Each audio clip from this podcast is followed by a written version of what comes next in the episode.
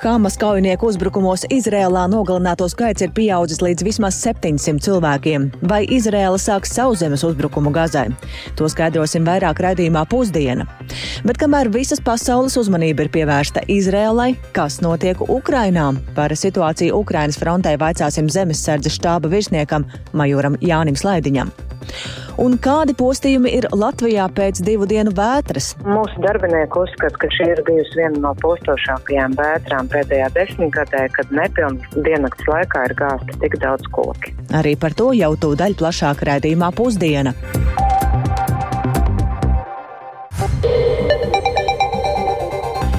12,5 minūtes skan ziņu raidījums pusdiena, plašāk skaidrojot šīs dienas, 9. oktobra būtiskos notikumus. Studijā Dāca Pēkšēna. Esiet sveicināti! Vairāk nekā tūkstoši cilvēku gājuši bojā pēc palestīniešu islāmistu grupējuma Hamas negaidītā sestdienas uzbrukuma Izrēlai. Izrēlas armija turpina cīņu ar kaujiniekiem vairākās vietās valsts iekšienē. Joprojām tiek doti triecieni arī Gazai. Tāpat Izrēlas armija Gazas tuvumā pulcē vismaz 110 tūkstošu rezervistu vienību, lai visticamāk jau drīzumā īstenotu ofensīvu Gazas joslā. Plašāk par notiekošo šajā reģionā stāsta Rihards Plūme. Izrēliešu aviācija un artilērija naktī uz pirmdienu devusi triecienus 500 mērķiem Gazas joslā, kas saistīti ar palestīniešu islāmistu grupējumiem Hamas un Islāma džihāds.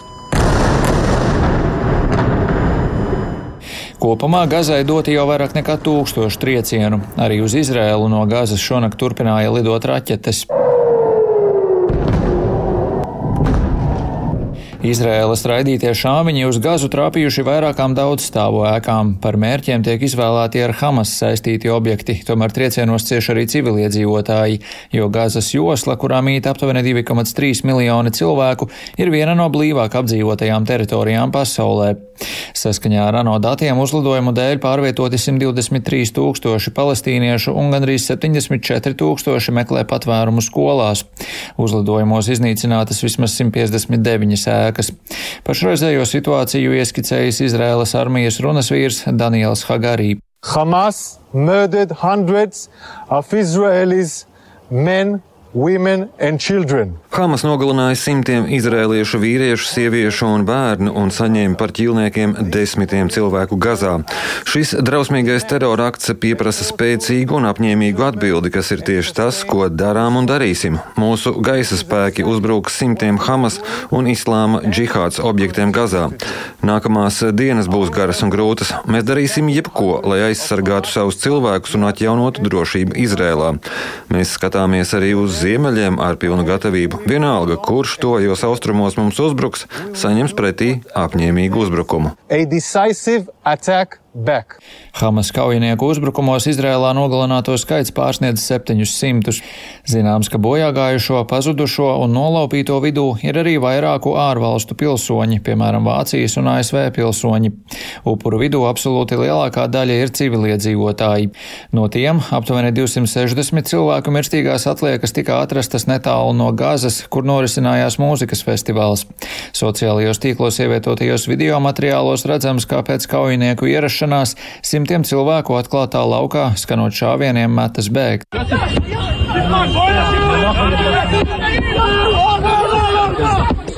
Izraela tikmēr vēsta par vairāk nekā 400 kaujinieku likvidēšanu savā teritorijā un vēl vairākiem desmitiem, kas saņemti gūstā. Palestīnas amatpersonas vēsta, ka Gazā miruši ap 500 cilvēku, to starp daudzi desmiti bērnu, bet vēl teju 3000 ievainoti. Izraēlas armija joprojām turpina cīņu ar kaujiniekiem aptuveni septiņās vai astoņās vietās pie Gazas robežas.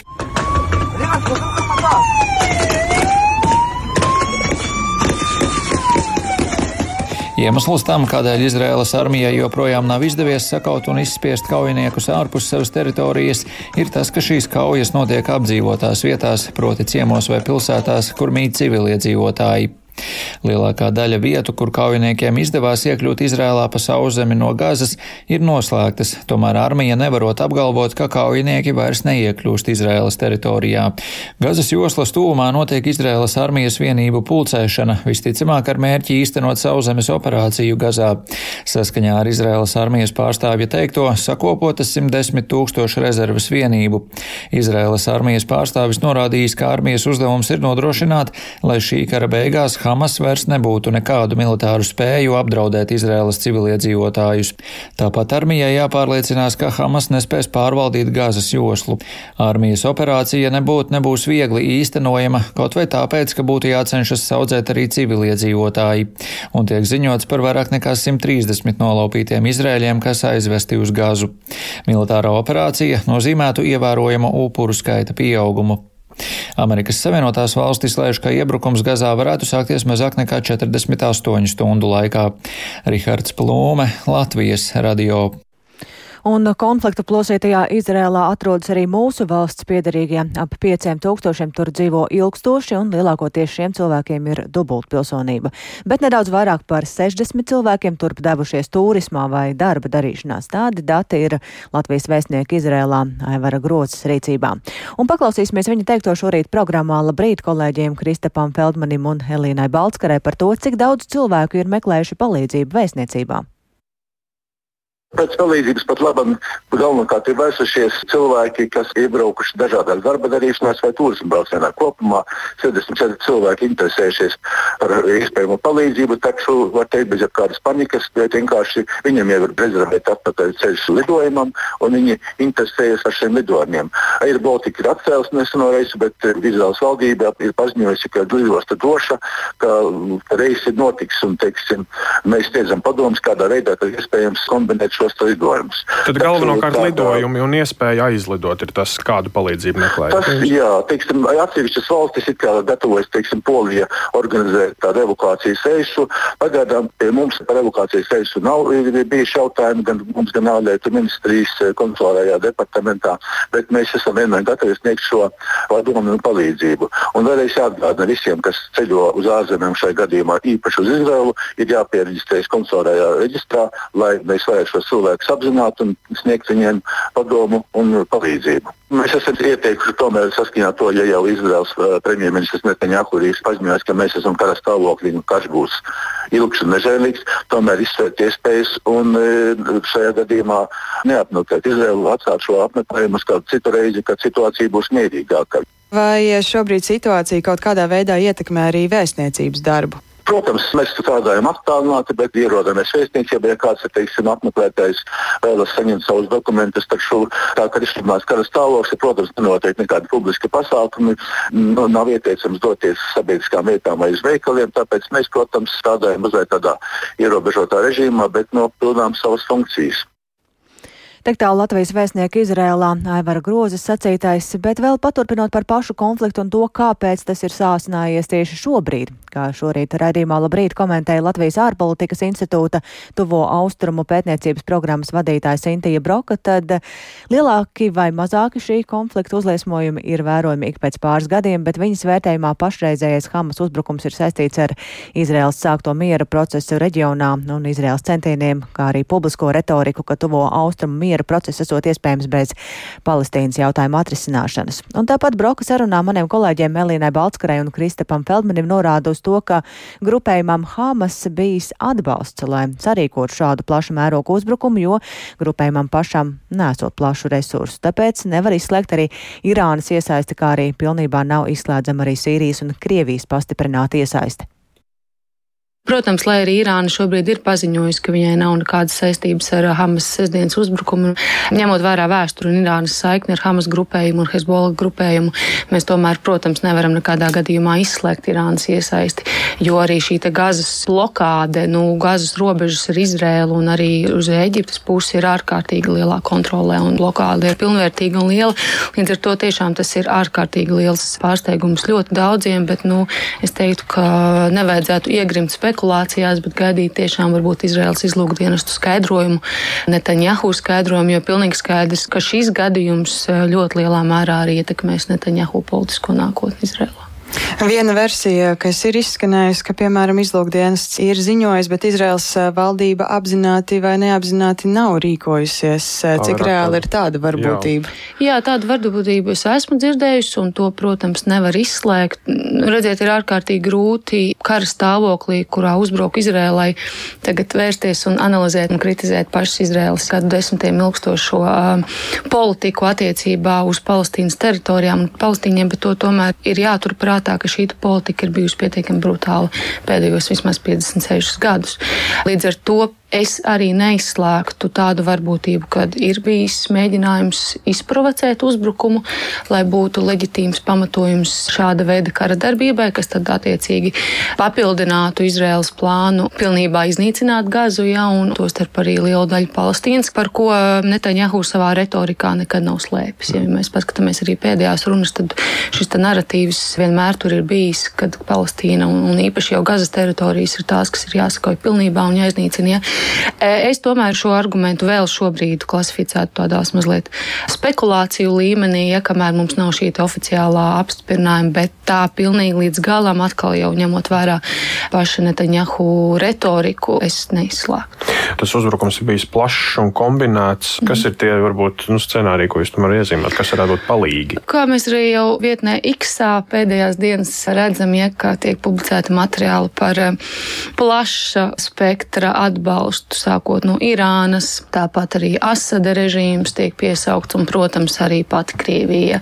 Nu, visas šīs valstis, kas šobrīd rietumu sabiedrībām, rietumu politikai ir uh, kvalificētas kā nedraudzīgi režīma, nedraudzīgas valstis, tās tiek piesauktas uh, šī atbalsta sniegšanai arī Hamas. Bet jau atkal, protams, no vienas puses mums ir jāsaprot, ka šis atbalsts ir bijis, jo Hamas paši par sevi nevar noteikti pie šāda veida tehnikas nokļūt. Noteikti ir bijis arī atbalsts izlūku datos, ja, jo, kā jūs minējāt, šīs robežas tiek ārkārtīgi plaši apsargātas. Bet, nu, tie pirmie, protams, šī Irānas saikne ar Krieviju un, protams, Irānas iesaista karā Ukrainā. Krievijas iesaista varbūt arī šobrīd šajā situācijā, bet visu pirms noteikti ir tā, nu, jāsakategorizēt, tad noteikti tā būtu Irāna. Asāda režīmam arī šīs iespējas ir pietiekami ierobežotas, tāpat kā arī Krievijai lielākais resurss tomēr šobrīd atrodas Ukrainā, ja? bet pilnībā izslēgt eh, Sīrijas un Krievijas iesaisti sadarbībā ar Irānu, protams, mēs nevaram.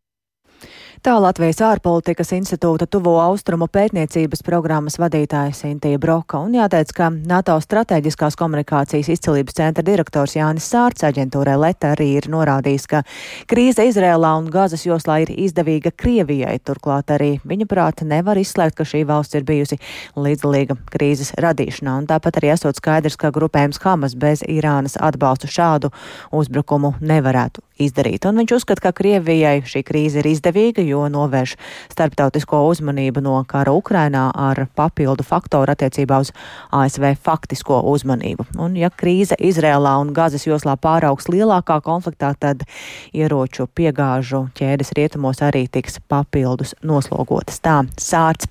Bet par Ukrainu runājot arī tur, tātad um, karš turpinās un tā ir spiesta cīnīties pret Krievijas agresiju un par aizvadīto, um, par jaunāko aizvadītajās dienās šobrīd Vaicāsim Latvijas zemesardzes štāba virsniekam majoram Jānim Slaidiņam, ar kuru esam sazinājušies. Labdien! Sveicināti! Ja runājam par aizvadītajām dienām, nu, kuri ir tie karstākie punkti šobrīd Ukrainā? Nu, būtībā karstākais punkts, protams, paliek frontes dienvidī, kur Ukraiņa joprojām cenšas uh, lausties iekšā šajā Krievijas aizsardzībā. Krievijas puse dara visu, lai eh, slēptu šo Ukraiņas spēku virzību un pievelk rezerves, metās kaujā. Bet eh, otrreizējais mēģinājums, kas eh, ir tādā Krievijas bruņoto spēku uzbrukums, ir ziemeļa, ziemeļa austrumos, Kupjānskas, um, Svatovas uh, telpā, kur izskatās, ka Krievijas spēki ir apņēmības pilni uh, ieņemt teritoriju līdz upei Oskilai un uh, aizdīt Ukraiņas spēkus pāri šo upi uz tās labo krastu. Lai gan šāds uzbrukums diezgan dīvains liekas no militārā viedokļa, jo ir sācies rudens, ir arī lietavas un apvidus tur ir diezgan sarežģīts, bet no pozitīvās puses, no Krievijas skatu punktu, tur ir tuvu Krievija, līdz ar to apgādi ir uh, darboties spējīgāk nekā tas ir frontes dienvidos. Ja runājam jaunāko notikumu kontekstā, kā notiekošais Izrēlā var ietekmēt notikumus Ukrainā un kas ir īpaši svarīgi arī atbalstu pašai Ukrainai? Jā, nu, protams, šis uh, konflikts noteikti nāk pa labu tikai un vienīgi Krievijas uh, federācijai. Jā, tātad tas ir noteikti kārtējais mēģinājums, lai novērstu rietumu uzmanību no Ukrainas, jo Amerika, Amerikai būs atkal jādzēš ugunsgrēks uh, tuvajos austrumos. Tas, protams, jā, nu, arī ASV būs jādomā, kā nodrošināt palīdzību gan vieniem, gan Izrēlai, gan arī Ukrainai. Bet šobrīd frontē nu, nevar manīt pagaidām nekādas, teiksim, kas ir saistīti ar šo konfliktu. Ukraiņa turpina būt aktīva frontes dienvidos.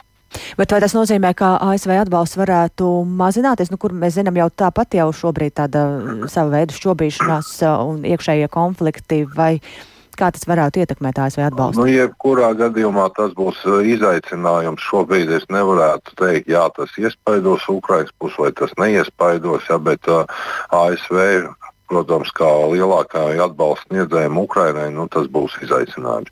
Jo zināms, ka Izraela jau pieprasa no ASV gan raķetes, gan uh, radarus, jā, gan munīciju. Un, tā, ka, protams, uh, es nezinu, kādas ir uh, ASV rīcībā esošie, esošie munīcijas krājumi, bruņojumi, jā, bet uh, Ukraina ir krietni patukšojusi ASV noliktavas. Līdz ar to ASV būs jādomā, kā audzēt šo militāro ražošanu vēl vairāk nekā viņi to izdarīja līdz šim. Paldies! Šajā brīdī teikšu Latvijas zemesardze štāba virsniekam Majoram Jānim Slaidiņam. Un um, atgriežamies pašmājās pie postījumiem, ko aizvadītajās dienās ir radījis spēcīgais vējš. Valsts ugunsdzēsības un glābšanas dienestam tas nozīmē ļoti intensīvu nedēļas nogali, reaģējot uz vairāk nekā tūkstošu izsaukumu, kas saistīti ar vēja radītajiem postījumiem. Visvairāk Rīgā, kur ziņoja par uz automašīnām, ceļiem vai ēkām uzkritušiem kokiem, tāpat arī joprojām iedzīvotājs aicina nedoties uz Rīgas parkiem, kur turpina likvidēt sēku kas no vētras, tāpat arī cietuši jumti vairākās Rīgas nama pārvaldnieku apsaimniekotajās ēkās un apmēram pusotram tūkstotim sadalstīku klientu ir joprojām traucēta elektroapgāde, īpaši tas attiec uz salkristiem, siguldu un limbažiem. Bet visu informāciju par vētras radītajiem postījumiem ir apkopojusi kolēģis Sintijā Bote, kura šobrīd pievienosies tiešraidē. Sveika, Sintija, un kur tad izsaukumu bijis ir visvairāk un kādi ir tie lielākie postījumi?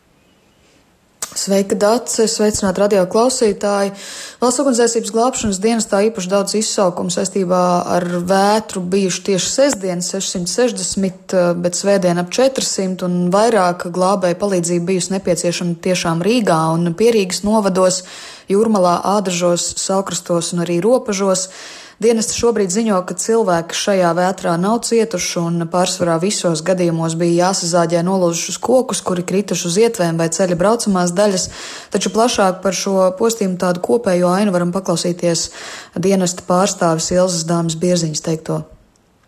Daudzās situācijās iedzīvotāji bija tikuši paši saviem spēkiem galā, bet no mūsu izsaukumiem tas, kas uh, bija redzams, ka vismaz 80 gadījumos koki bija lūzuši tieši uz vieglajām automašīnām, daudzos gadījumos pat uz vairākām vienlaikus.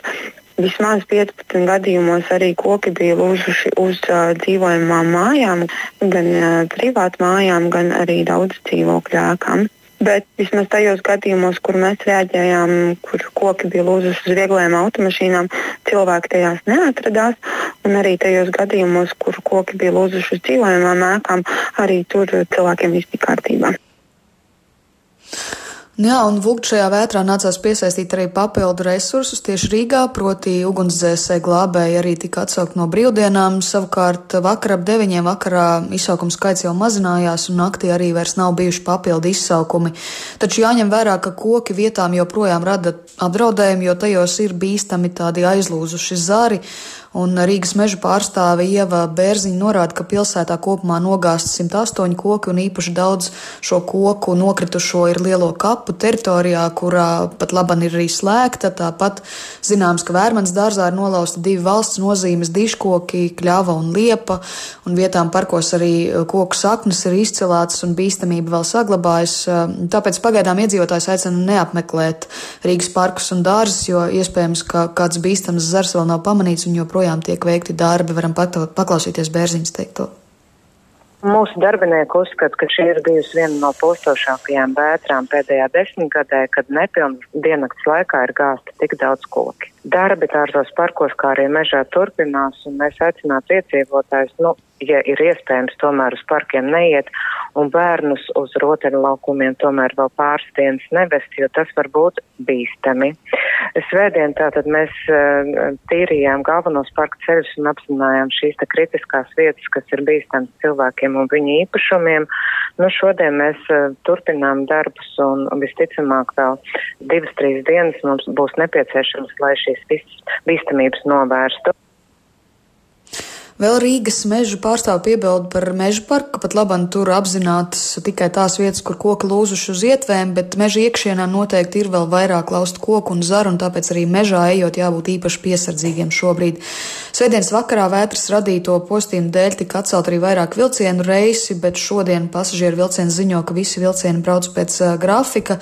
Savukārt uh, elektroapgāde šorīt traucēta vēl apmēram pusotram tūkstotim mājasēmniecību, un akcijas sabiedrības sadalas tīkls pārstāv Elīnu Kozlauska iezīmē, ka diennakts režīmā šajā nedēļas nogalē strādājuši ap 400 sadalas tīkla operātoru darbinieki, un šī vētra no citām īpaši atšķiras ar to, ka tā ir tātad ilgstoša, un tas, protams, apgrūtina arī bojājumu novēršanu. Varam paklausīties klausīties arī viņas teiktu. Veicām darbi, diemžēl, ielga bojājuma sarežģītības dēļ. Daudz viet ir krituši koki, daudz viet ar saknēm tie ir izrauti, arī blokējot šo pieeju bojājumiem, tāpēc atsevišķās vietās mazliet ilgāk arī paņēma laiku šos traucējumus novērst. Elektroapgāde vēl traucēta vairākas Alkrastas, Siguldas un Limbažu pusē. Un šobrīd, diemžēl, ir tādi klienti, kur šis bojājums un elektroapgāde nav ilgstoši atjaunota. Un, šobrīd joprojām strādājam paaugstinātā režīmā, ir piesaistīts viss pieejamais resurss, darām visu iespējamo, lai tuvākās dienas laikā tas notiktu.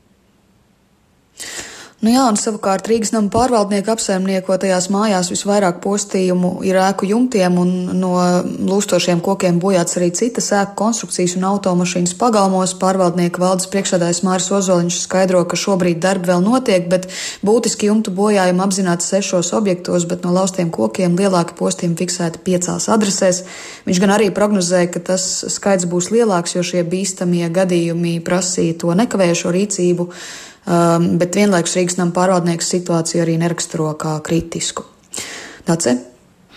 Paldies Cintējai Ambotei par um, apkopojumu par to, kā tad ir aizvadīta vētrainā nedēļas nogale. Un vēl Par citiem notikumiem runājot, tad šodien bija paredzēts pasludināt spriedumu Rīgas domas bijušās amatpersonas arī stabiņas kukuļošanas lietām, taču gadiem ilgušo kriminālu lietu šodien tiesa nolēmusi skatīt no jauna. Kāpēc? To tiesa neatklāja, bet vairāk šobrīd ir par to gatavs stāstīt kolēģis Viktors Demīdovs, kurš ir pievienojies studijās. Sveiks, Viktor, un saki, kā tas nākas, ka spriedumu tā arī nepasludināja, lai gan stabiņa iepriekš savu vainu ir atzinusi. Labdien! Jā, šodien bija paredzēts, ka Rīgas pilsētas tiesa vidzemes priekšpilsētā pasludinās spriedumu kukuļņemšanu apsūdzētās bijušās Rīgas domas mājokļu un vidas departamenta dzīvokļu pārvaldes priekšnieces arī Stabiņas krimināla lietā, bet gala rezultātā tiesa izmeklēšanu nolēma atsākt.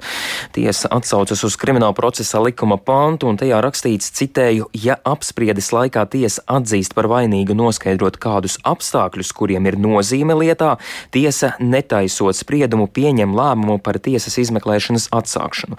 Un plašāks komentārs tiesa atteicās sniegt, skaidrojot, ka tā bija slēgtā sēde. Interesanti, ka tiesa tā ir rīkojusies, lai gan stabiņa savu vainu iepriekš ir atzinusi.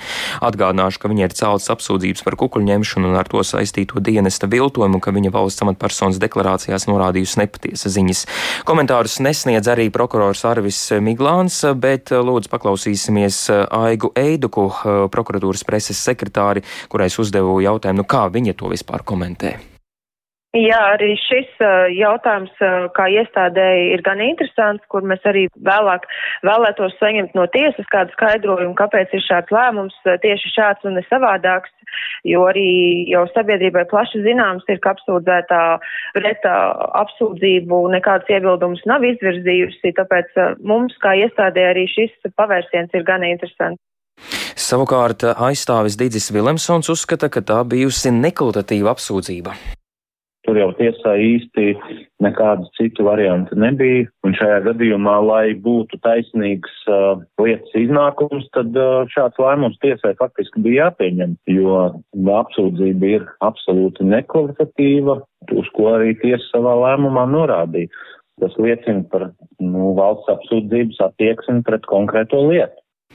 Nu, Tālūk, aizstāvis Digis Vilemsons, bet nu, tad plašāk par to stāstīsim raidījumā pēcpusdienā.